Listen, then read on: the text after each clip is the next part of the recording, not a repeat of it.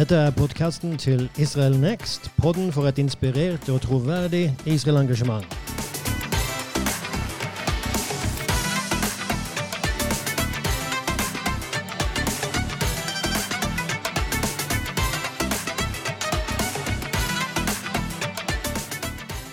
Og I studio så sitter som vanlig Roar Sørensen, og med meg har jeg Alette. Så eh, det er som det pleier å være her. Og eh, Først av alt så vil jeg bare takke for all feedback som vi får til, til denne podkasten. Det har vært veldig interessant å høre reaksjoner. Så eh, fortsett gjerne å dele deres reaksjoner. Det hjelper oss som sagt å eh, vite hvordan vi skal legge opp dette, og eh, forbedre oss hele tida. Så eh, vi tar med glede imot tilbakemeldinger. Ok, Alette. Vi er midt i påska her nå. Eh, Det er jo en litt spesiell påske for oss alle. Og eh, Så hvordan tenker du å feire disse dagene som ligger framfor oss? Ja, det stemmer. Det er en helt uh, uvanlig påske. Jeg har aldri opplevd en sånn påske før. Og godt er det. Nei, det, det kommer til å være med familien. Feire med familien, de man, de man har i nærheten av seg. Eh, og så blir det jo ganske mye tenker jeg, ute og gå og komme seg og få litt frisk luft. Det er jo ganske masse nydelige områder her vi bor, så det, det blir nydelig. Men ikke minst selvfølgelig feire påska. Og det påske er noe som har vokst i betydning for meg eh, de siste åra. Så eh, jeg gleder meg veldig til å feire det. Eh, og det, ja, det er veldig viktige, veldig viktige dager som jeg verdsetter høyt. Og det kommer jo faktisk også til å vises i denne episoden, for påske er tema for denne episoden. Eh, så vi kommer til å snakke veldig mye om det. Eh, vi kan egentlig bare gå gjennom innholdet for, for denne episoden. Eh, altså, påske er tema. Vi kommer selvfølgelig fremdeles til å ha Inside Out-delen, der vi går gjennom nyheter. Så det blir en litt kortere nyhetsoppdatering, men allikevel de viktigste nyhetene fra Israels perspektiv. Og så går vi over til å prate om påska i vår zoom out-del, der vi stiller dagens spørsmål, som altså er påskerelatert. Så eh, ja, mye spennende på gang her. Men før alt det innholdet der, så går vi til dagens avspark. Og i dag så er det meg som har lov til å spørre deg, Roar, eh, om en liten challenge. Det skal vel bli interessant. Ja. Og siden det er påske, så føler jeg meg litt mer eh, sjenerøs. Så du har alternativ i dag. Ok. Here we go. Ok. Enten så skal du eh, nevne alle, eller ramse opp alle de ti plagene fra tiden i Egypt.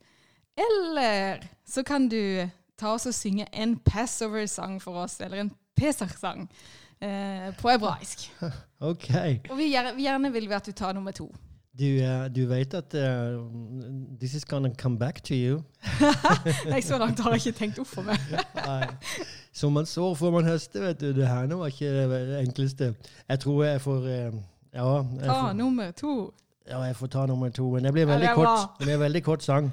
Ja, vi gleder oss.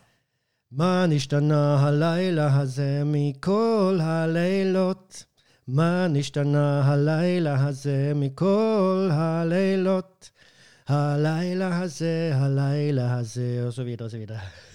Stoppa du det? Vi kom ikke til svaret. Nei, vi gjorde ikke det. Det er så mange svar på det, akkurat det der. Altså, for det første, de som ikke skjønte hva det her var, det er jo akkurat det her spørsmålet som, eh, som eh, jøde begynner sitt eh, sedermåltid med. Hva, hvorfor er denne kvelden forskjellig fra andre kvelder? Eh, og det er jo da yngste sønnen i familien som skal spørre det spørsmålet. Men så har de gjort en sang av det her, så eh, så kommer svaret, og da er det flere svar på den. Så Mange vers, altså. ja, faktisk. Ja, ok. Greit. Ja, men det var godkjent. Det var Ja, godkjent. så Det bra. var bra måte å begynne podkasten på. En litt sånn melodi. Men da går vi over fra sparket videre til Inside Out og de viktigste nyhetene fra Israel, fra Israel sitt perspektiv. Så Roar, hva er det som skjer der nå? Ja, vi må jo bare Altså, vi skal ta veldig kort om, om koronasituasjonen. For det er, jo, det er jo det som er det veldig store nyhetene. Men eh, jeg skal ikke gå i detalj på det, for det er jo veldig mye det samme som hender omkring i forskjellige land, selv om man er på forskjellige faser i utviklinga. Israel ligger jo veldig godt an og har hele tida gjort det. Siste tallet jeg så nå, f.eks., det var på at det er 79 døde. Og det nærmer seg 10 000 som er smitta. Eh, så det, det er ganske lavt, men eh, det er klart de, de, hver eneste person som dør, det er jo et stort tap. Så det, det er klart. Men eh, ellers så har de jo vært veldig strikte. Og akkurat nå i påska så har de jo stengt ned hele landet. Det, altså det har jo vært strikt tidligere. Vi snakka om 100 meter fra hus osv. Så, videre. så kunne du samtidig gå og handle og sånt. Nå kan du ikke gå og handle. Nå, nå er de jo stengt, for at det var i går så var det jo liksom første kvelden i påska begynte i går. Så i dag, som er torsdag, da, så er det en rød dag, kan du si, i Israel. Eh, så har de egentlig åpent på fredag formiddag inntil sabbaten begynner igjen, men så er de jo stengt igjen på fredag ettermiddag og så hele sabbaten. Så det er jo veldig mye rødt, kan du si. Men Israel har bestemt seg for at eh, fra nå, altså eh, egentlig i går kveld og fram til søndag morgen, så får ingen gå på butikken. Alt er stengt ned. Du må holde deg hjemme. Uh, de har delt Ingen får reise mellom byer. De har delt Jerusalem inn i syv forskjellige soner, så man får ikke lov å bevege seg mellom disse sonene. Og alt det her er egentlig fordi at Netanyahu, da, statsminister Netanyahu han sa at påske skal ikke bli purim. Og med det så mente han at uh, under purim så var det veldig mange som gikk ut, og de uh, feira sammen i store grupper, og det var veldig mange som ble smitta uh, akkurat under purim. Og han sa det derne skal vi forhindre i påska. Så derfor så sier han hver og en familie skal feire påska hjemme. Så det, det, er sånn som det har vært, og det, det er jo som sagt veldig unikt. da. Vi snakka om dette forrige gang òg. At man, man, feirer jo oftest sammen med stor familie. Men nå er det liksom hver familie for seg sjøl. Veldig bibelsk på den måten. Eh, men så er det et interessant eh, tiltak som, som, ble satt i gang for oss å hjelpe på. For det fins jo noen som da blir alene. Eh, og da så har de sagt som så at la oss gå ut på verandaen, vi som bor liksom i byer og storbyer. La oss feire på verandaen, sånn at andre kan få delta i sangen og i liksom hele liturgien som, som har med påske å gjøre. Så, så, det er veldig mange De, de kalte det Amerhad shulchan echad. Ett folk, ett bord. Så uh, det, det, er et veldig bra initiativ. Det er mye bra som hender uh, over hele verden liksom, pga. dette som har med korona å gjøre. Uh, nye initiativ og måte å vise oppmerksomhet og, og appreciation. Altså at man er takknemlig for ting. Så. så man kunne også følge et CD-måltid via Facebook Live og andre sånne Zoom og ja, sånne steder. Så exakt. de er oppfinnsomme der òg. Ja, og det, det, er jo litt uh, kontroversielt, fordi at uh, det er høytid. Du skal egentlig ikke bruke sånne hjelpemidler som det her. Det, altså, det er jo strøm, det er elektrisitet, og det er uh, sånt. Så det har vært flere rab rabbinere som har Noen godtar dette, andre gjør det ikke. Så eh, det, det, er litt kontroversielt, akkurat det der. Men eh, så klart, for mange israelere så, så, eh, så, er ikke det noe problem at man kan bruke Zoom. Zoom har jo virkelig blitt inn i disse tider.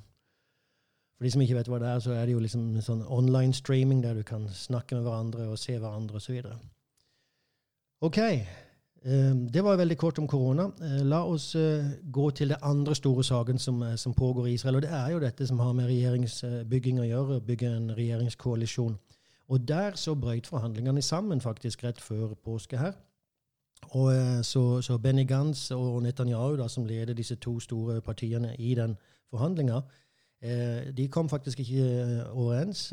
Og nå, nå finnes det ingen forhandlinger. Akkurat nå så er det et brudd. Årsaken til det, og det, det skal jeg bare ta litt tid med hvorfor, hvorfor har det blitt et brudd? og Det, det fins vel to årsaker. Det ene er akkurat dette som har med annektering å gjøre. Det, det går tilbake til Trump sin fredsplan.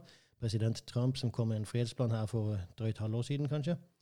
Der han eh, tillot Israel å annektere deler av Judea Samaria.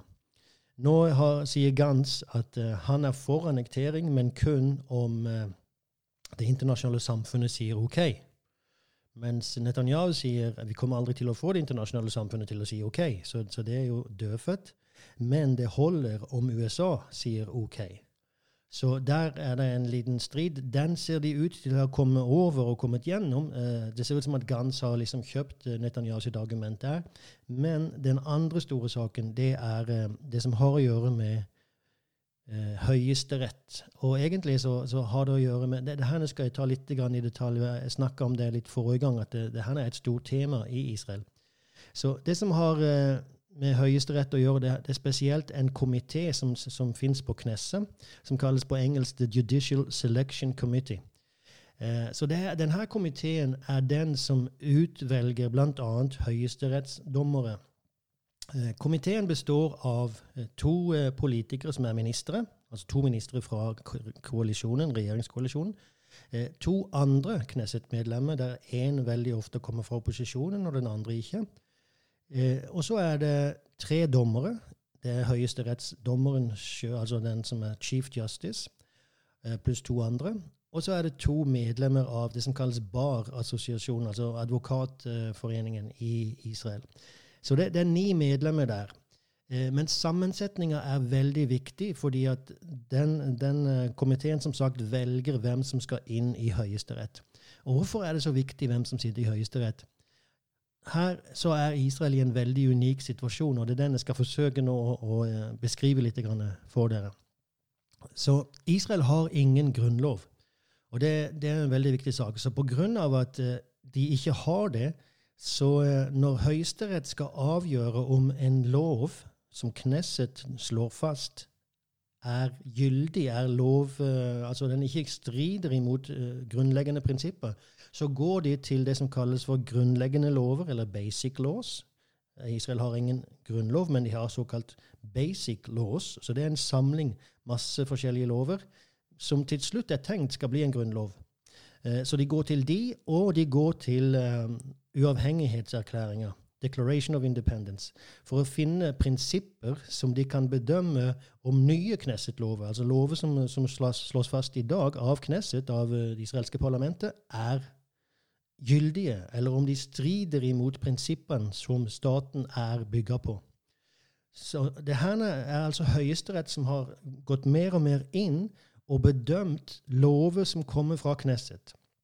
Nå, nå, må man jo forstå at uh, Knesset det er jo der de folkevalgte sitter. Det er de som har fått et mandat ifra folket.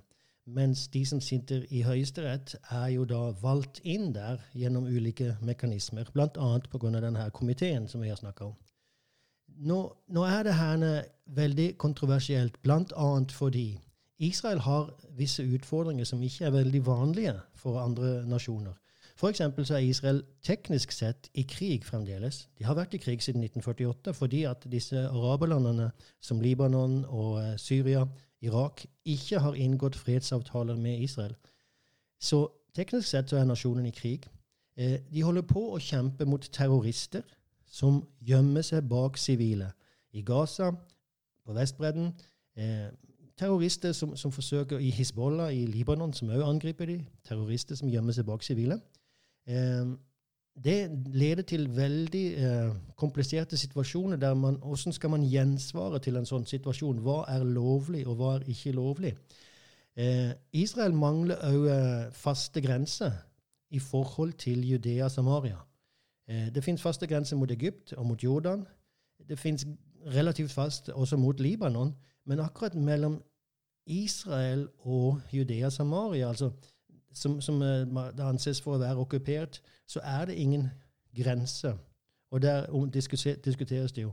Det her er jo viktig, fordi at lover gjelder jo innenfor et visst territorium. Så, så, gjelder loven der. Hvilke lover gjelder der?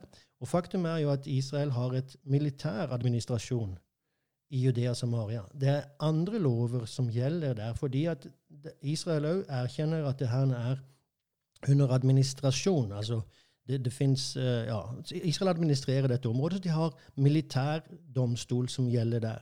Samtidig så har de israelske lover som gjelder for de israelske statsborgerne som bor der, altså bosetterne. Så det er en veldig komplisert situasjon, alt det her. Det finnes to eh, parallelle eh, systemer av lov som fungerer i Israel. Israel anses av verden for å være en illegal okkupant, okkupasjonsmakt. Og, og, det er jo stelle til det, fordi det kommer veldig ofte masse fordømmelse fra utlandet. Det kommer rapporter via FN der Israel stilles til svars for handlinger som, som eh, de har gjort, eller påstås, å ha gjort. Og alt det her går tilbake til hva er lov, hva er tillatt, hva er ikke tillatt å gjøre i krig? Hva er tillatt å gjøre mot terrorister? Og der så kommer jo Høyesterett inn i bildet. Eh, Israel er jo under boikott av masse land, eh, eller organisasjoner, skal man si. Ikke, kanskje ikke land, men jo faktisk også land. Men eh, mest organisasjoner eh, fra utlandet som boikotter Israel på forskjellige måter. Kulturelt. de boikotter lærere, de boikotter universitet, de boikotter sport, de boikotter politisk, de boikotter handel. Masse forskjellige boikotter. Og hvordan skal Israel forholde seg til det? Um, Israel har blitt ført fram for The International Court of Justice, altså den internasjonale domstolen i Haag, eh, pga. bl.a. sikkerhetsgjerdet. Hvordan skal Israel forholde seg til det? Da har du en internasjonal domstol som har uttalt seg, osv. Så, videre. så det finnes en masse sånne her saker som gjør at Høyesteretts eh, rolle er veldig viktig i Israel. For den avgjør da eh, hvordan Israel forholder seg til en masse av disse her, og hva, Israel, hva er tillatt eh, for israelske soldater f.eks. å gjøre. Og det faktum da at Israel har en veldig aktiv opposisjon som hele tida bringer saker til Høyesterett, det gjør ikke det her enklere. da. Hele tida føres det saker fram for Høyesterett som har å gjøre med hvordan staten oppfører seg. Saker imot staten. Og det her eller Et av de siste poengene jeg skal nevne, er veldig viktig. Det fins òg en mekanisme der folk som ikke er israelske statsborgere, har lov til å gå til Israels høyesterett når den sitter i en viss kapasitet, um, og altså bringe sin sak fram til Høyesterett hvis de mener at staten Israel har begått en urett imot dem. Dette er helt unikt. Eh, så vidt jeg vet, så er det ingen andre nasjoner som har det. At folk, personer som ikke er statsborgere, kan føre Israel for retten i Israel. Eh, og det hender jo da veldig ofte fordi det finnes en masse internasjonale organisasjoner som benytter seg av det her, og da eh, fører saker for palestinske arabere og andre da mot Israel. Så totalt sett da så blir eh, Høyesterett veldig aktiv i det israelske samfunnet. Og mange av de spørsmålene da som de eh, diskuterer, de har egentlig å gjøre med ideologi. Det har å gjøre med om man tilhører venstre- eller høyresida. Har Israel rett til Judea Samaria eller ikke? Det avgjør jo veldig mye hvordan disse avgjørelsene hvor de lander. Eh, nå finnes det så klart objektive kriterier, så det, det, er ikke for å si at eh, all lov liksom er fullstendig subjektiv. Det er ikke det jeg sier. Men det fins et element av ideologi i disse avgjørelsene fra Høyesterett. Og spesielt de siste 25-30 åra så har Høyesterett blitt oppfatta på høyresida i Israel å være veldig pro venstresida. Så, så høyresida har problemer med Høyesterett, og um, det fins forsøk på å forandre sammensetninger av dommere i Høyesterett.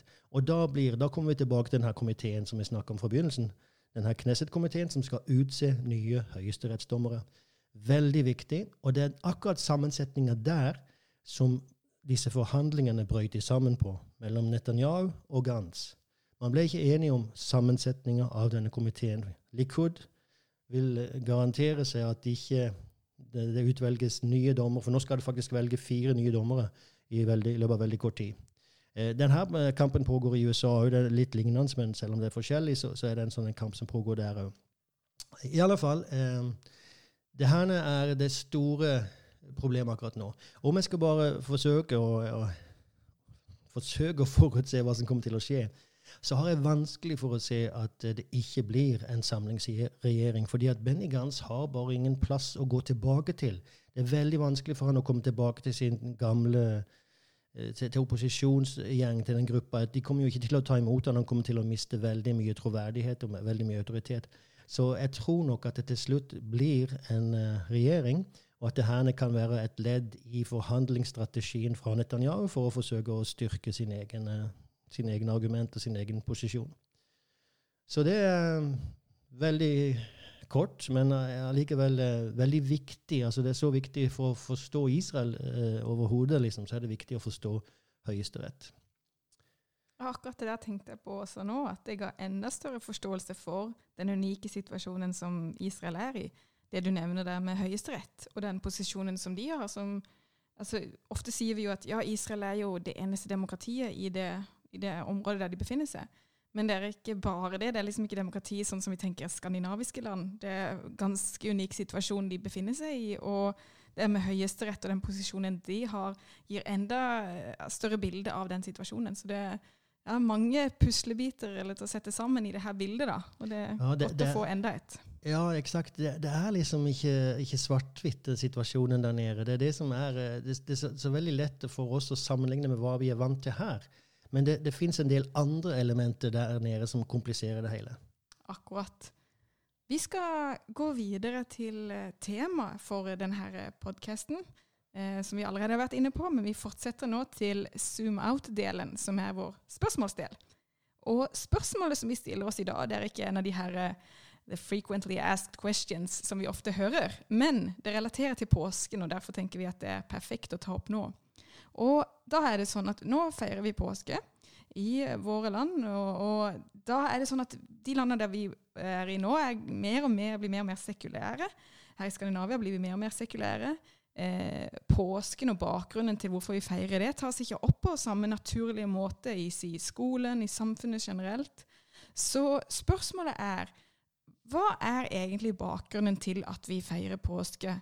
Og fins det noen ting innenfor eh, Israel og jødiske tradisjoner som, som, kan hjelpe oss å forstå bakgrunnen enda bedre? Og gå inn i påskefeiringa med enda mer Hva skal man si eh, enda større mening, da?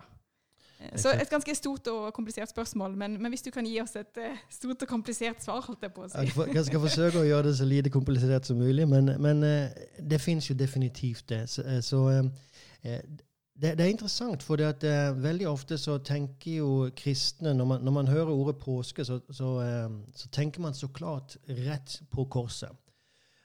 og det, det, er jo helt naturlig. Og, og la, la, meg si det her som, som et startpunkt for det som jeg nå skal si. Eh, det er viktig å slå fast at korset står sentralt. Det er klimaks i historien. Eh, du kan si alt som hendte i bibelsk tid før korset, det pekte egentlig fram imot korset.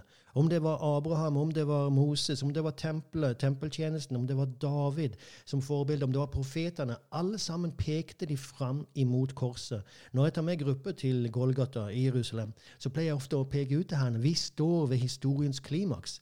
Alt det der pekte fram imot hva som skulle skje på korset. Og i dag, når, står, når jeg tar med gruppa dit, og vi står der, så sier jeg alt som vi lever i dag, alt, alt det som, som, vi, det faktum at vi er, kaller oss kristne, og at vi lever et liv eh, kontakt med Gud osv., det går tilbake til det som hendte her. Vi regner jo til og med tidsregninger fra det som hendte ja, når Jesus ble født.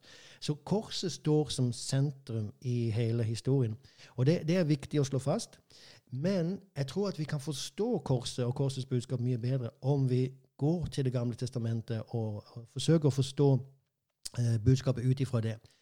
Bare det faktum at vi kaller det påske, det, det, det, det sier jo noen ting at eh, er, Vi kaller det ikke Golgata, vi kaller det ikke korset, vi kaller det påske fordi det går tilbake til et hebraisk ord eh, som heter pesar, og som betyr, betyr forbigang. Og Jeg vil egentlig at vi skal gå litt tilbake nå til Gamle testamentet. Og eh, Når vi sier ordet Gamle testamentet, så, så uh, la oss uh, liksom ikke tenke på gammelt som avleggs, gammelt som avdanka, men det, det, gamle som første, det første testamentet. Nå vet jeg at det, det fins jo i Bibelen det snakkes om en ny pakt, et nytt forbund. Eh, så, så, Bibelen bruker disse termene, men veldig ofte så har det her ordet 'gammelt' fått en negativ klang. Og det, har, og det bør de ikke ha. Det, er en fantastisk story som fins der i det første testamentet, i den første pakten. Eh, en, en, sak som, eh, som jeg syns er viktig å, på, å påpeke, er at La oss ikke snakke om den jødiske påska og den kristne påska. La oss snakke om den bibelske påska. For faktum er jo at uh, det som vi kaller den jødiske påska, det er, det er, en del av hele budskapet som Bibelen har. Det er en del av den bibelske historien. Så eh, nå, nå, er det klart at den uttrykker seg litt annerledes blant jøder, hvordan de feirer det osv., men, men som kristen så er jo den såkalte jødiske påska en del av historien. Så jeg ligger På engelsk så, så kan du dele historie, history. Du kan dele det opp i his story. Så både den såkalte jødiske og den såkalte kristne påska er en del av his story. Guds historie. Frelseshistorie. Ok, Så hvis vi kikker litt på hva som Bibelen sier, så er det jo interessant å se på Jesus for det første. Da, I Matteus 26 så står det disiplene kommer til ham og så sier de, hvor skal vi gå og forberede påskemåltidet? Men det var helt selvsagt at det her er et måltid som må forberedes. Og Jesus sa jo, ok, gå dit og følg den mannen, og så, videre, så skal dere forberede det der. Det her var noe som de gjorde hele tida. Det her var ikke noe nytt. Det var ikke noe Jesus fant på. Det var en tradisjon som han sto i. Eh, så nå, nå er tida kommet. Nå gjør vi det som vi alltid har gjort. Og hvorfor var det en tradisjon? Da må vi gå til eh, andre Mosebok. Jeg skal lese noen vers der fra andre Mosebok, kapittel 12. Og der så står det eh, Det er midt i denne beskrivelsen av påska. Så kommer vi ned til eh, vers eh, 24. Dere skal holde dette ordet som en lov for dere og deres barn til evig tid. Da skal det skje når dere kommer inn i det landet Herren skal gi dere, slik Han har sagt. Da skal dere holde denne gudstjenesten. Da skal det skje når deres barn sier til dere, hva betyr denne gudstjenesten for dere? Da skal dere si, det er påskeofferet for Herren, Han som gikk forbi Passach, Pessar, han som gikk forbi husene til Israels barn i Egypt den gangen han slo egypterne, men lot våre husfolk gå fri. Så bøyde folket seg og tilba. Deretter gikk Israels barn og gjorde dette, som Herren hadde befalt Moses og Aron. Slik gjorde de. Altså, dette skal dere overføre til deres barn. Det her sies jo da ca. 1500 før Kristus. Og fram til Jesus så har man altså gjort det her da, i 1500 år. Man har overført det til sine barn. Og Da tar det oss fram til eh, det her sedermåltid som jeg nevnte litt eh, kort tidligere. Og som faktisk var i går kveld. da, eh, her, Det her året så var det onsdag kveld, altså i går, som det jødiske sedermåltidet var. Og eh, vi, vi vet at eh, Jesus feira det her. Eh, Vi, vi leser om det i Det nye testamentet. Og nå har jo altså skikke og eksakt innholdet i, i det her sedermåltidet har jo forandres gjennom århundrene. Så det er jo ikke eksakt det samme som feires i dag, som Jesus feirer. Og faktum er jo at du kan gå til veldig mange forskjellige jødiske hjem, og du vil si at det feires forskjellig. Eh, Det, det er forskjellig blant askenasiske jøder, sefadiske jøder. Det fins litt forskjellige tradisjoner. Men hovedelementene er de samme i dag som de var på, på Jesu tid. Om vi bare fort går igjennom eh, hva som fins med der, så, så kan vi eh, si at det begynner med det her spørsmålet som jeg fikk lov til å synge her. til å begynne med. Hvorfor er denne kvelden annerledes enn alle andre netter? Og det, det innleder da hele storyen, der man forteller om utgangen fra Egypt. Det er jo det som er historien eh, blant jødene.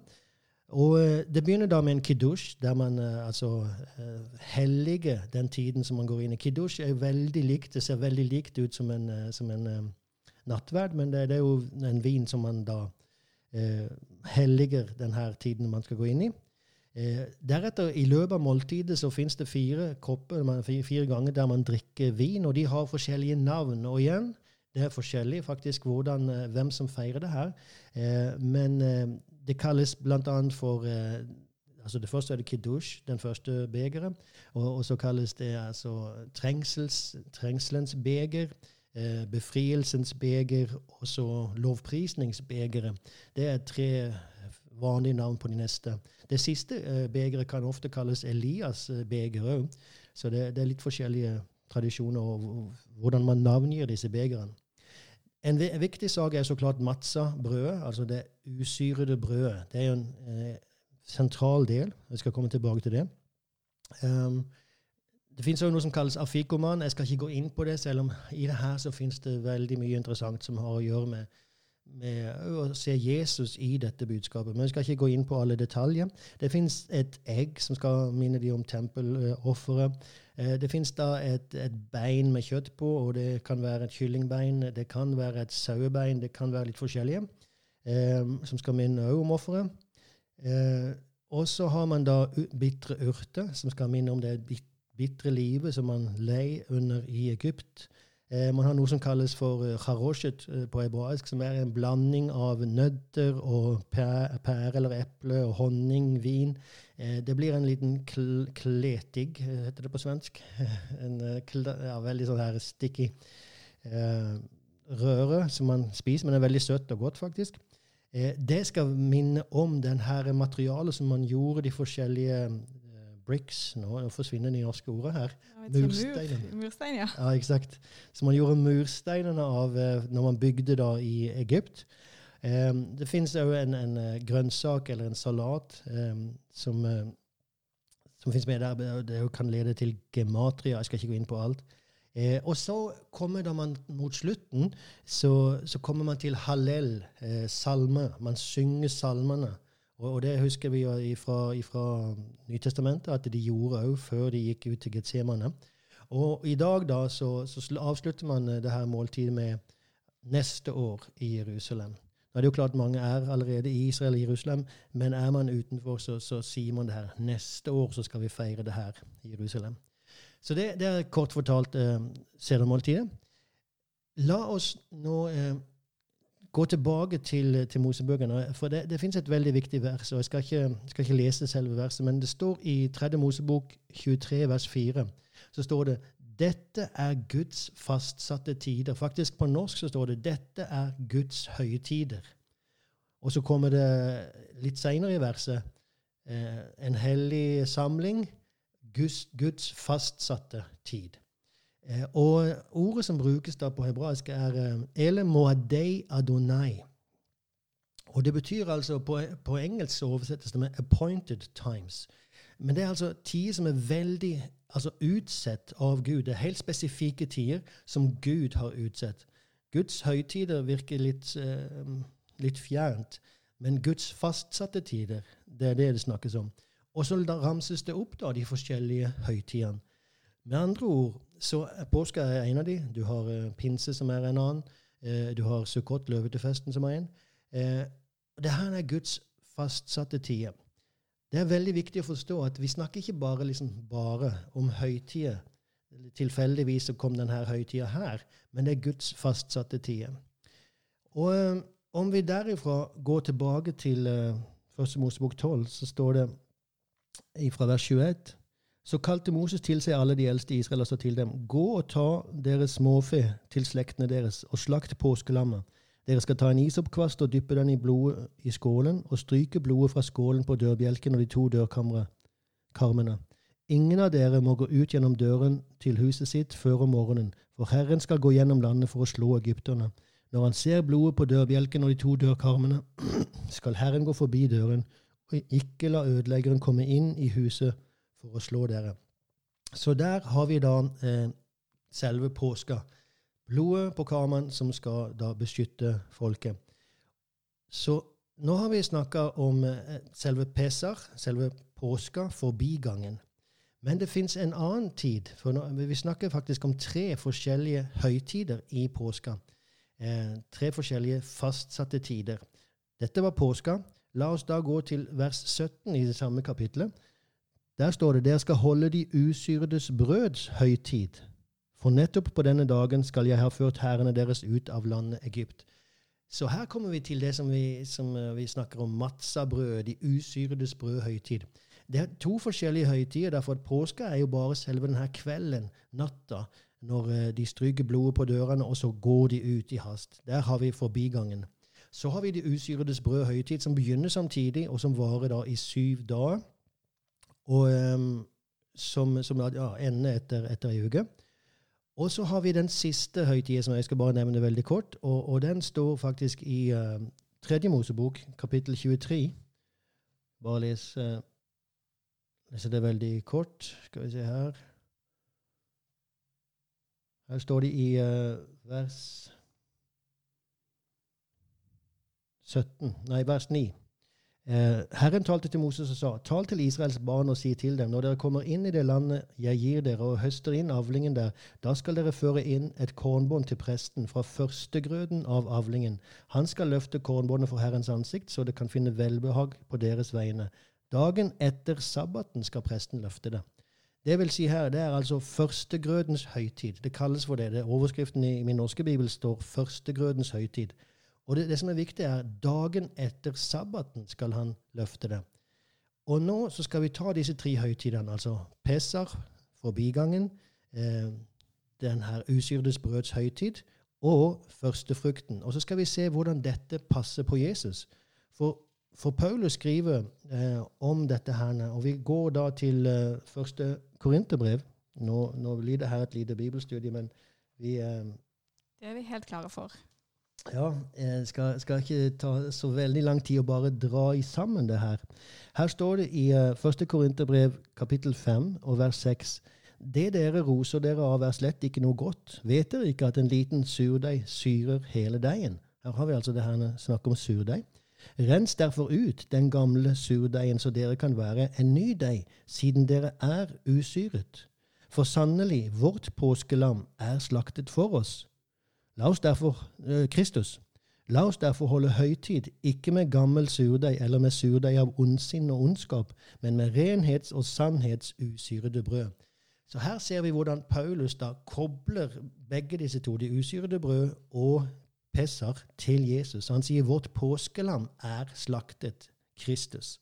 Og Det går jo helt i linje med hva Johannes sa da han så Jesus. Se der Guds lam som tar bort verdens synd. Det, det, og det er vel det som de fleste kjenner igjen her, at ja, Jesus er påskelammet. Men det andre her er jo dette som har med surdeigen å gjøre. For når Jesus på siste nattverden der, siste måltidet, holder dette måltidet, så sier han jo dette brødet Og hvilket brød er det han snakker om? Det usyrede brødet. Dette er mitt legeme, sier han. Og her så sier Paulus at det, det her legeme det er noe som er rent, det er hellig, det, det er renhet og sannhets usyrede brød. Og det er det som Jesus da gir. Eh, så da har vi Jesus å oppfylle både påska, Pesar, og eh, de usyrede brød. Og det som skjer til slutt eh, da, det er at han faktisk også blir den førstefødte av de eh, oppståtte. Og eh, det går, det går i Kolossebrevet så står det nå er Kristus eh, oppstått fra de døde og har blitt førstegrøden av de som har sovnet inn. Det, det er altså første, sorry, første Korinterne 15, 20. Kristus er oppstått fra de døde og har blitt førstegrøden av de som har sovnet inn. Og når sto Jesus opp ifra de døde? Første uh, søndagen etter sabbat, eksakt som vi leste i, uh, i Det gamle testamentet. Dagen etter sabbaten så skal dere gi dere herre førstegrødsofferet. Så det som er viktig å forstå når vi snakker om påska, det er at Jesus, når han henger på korset, så sier han det er fullbrakt. Med andre ord, Jesus kommer ikke liksom som en eh, Supermann fra en annen verden og bare kommer inn og frelser. Han kommer ut av en tradisjon. Eh, denne frelsen som, som, han snakker om, han, han, oppfyller den. Han oppfyller noen ting som allerede er sagt. Eh, det ville aldri vært noe nytt testamente hvis det ikke det fantes noe gammelt. Eh, så Jesus er altså oppfyllelsen av alle disse tingene. Og det her er altså Guds fastsatte tider. Og det er interessant at Guds fastsatte tider slutter ikke med påska. Det slutter ikke med det usyrede brød, det slutter ikke med eh, førstegrøten. Faktisk så finnes det flere Guds fastsatte tider, og vi kjenner til Shavuot, pinse, som også har blitt oppfylt eh, med Den hellige ånd. Men så finnes det en til som altså er Sukkot, eh, og altså eh, løvhyttefesten. Så det er veldig, jeg tror det er viktig, og jeg tror det hjelper oss som kristne, å studere litt disse sakene her. Eh, for uten dette så ville Det nye testamentet vært en myte uten denne historiske bakgrunnen. Så det som det, dette gjør, det gjør at det setter hele frelsesverket, det setter korset i et historisk perspektiv. Det fordyper forståelsen for hva Gud virkelig gjorde, når vi ser denne bakgrunnen.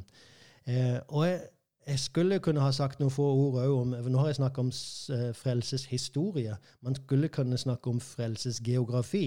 Eh, jeg skal ikke gå veldig inn på det, men Gud sier i salmene at Herren velsigne deg fra Sion. Altså, Vi sier ofte 'Herren velsigne deg', men Gud sier 'fra Sion'. Velsignelsen utgår fra en geografisk plass. Og Sion er jo et annet navn på Jerusalem. Og det er jo der alle disse tingene henter. Eh, og det er jo der òg som uh, Messias skal komme tilbake. Så, så Jerusalem står liksom i sentrum i frelsesgeografien. Så hva betyr alt det her da til slutt? Betyr det at vi må feire påske sånn som jødene feirer påske? Nei, det betyr ikke det. Men det betyr definitivt at vi bør forsøke å ta rede på hva er det egentlig hele storyen sier. La oss ikke hoppe inn midt i historien, midt ved klimaks, og misse hele dybden i budskapet. For det finnes en enorm dybde i det her. Det som skjer når du tar med deg hele dybden, det er faktisk at uh, du får en større takknemlighet for den frelsen som du har fått del av. Og du får òg en relasjon til Israel og det jødiske folket, som, der du ser at det var ut av det her folket, det var ut av det her nasjonen og det her landet som den frelsen som du og jeg har del av i dag, kom. Så eh, jeg, jeg må si det. Det her har vært eh, så fantastisk når man har vært i Israel ganske mye, og, og sett disse aspektene, historiske aspektene av, av frelsen. Det var eh, kort om påska. Da eh, går vi til denne.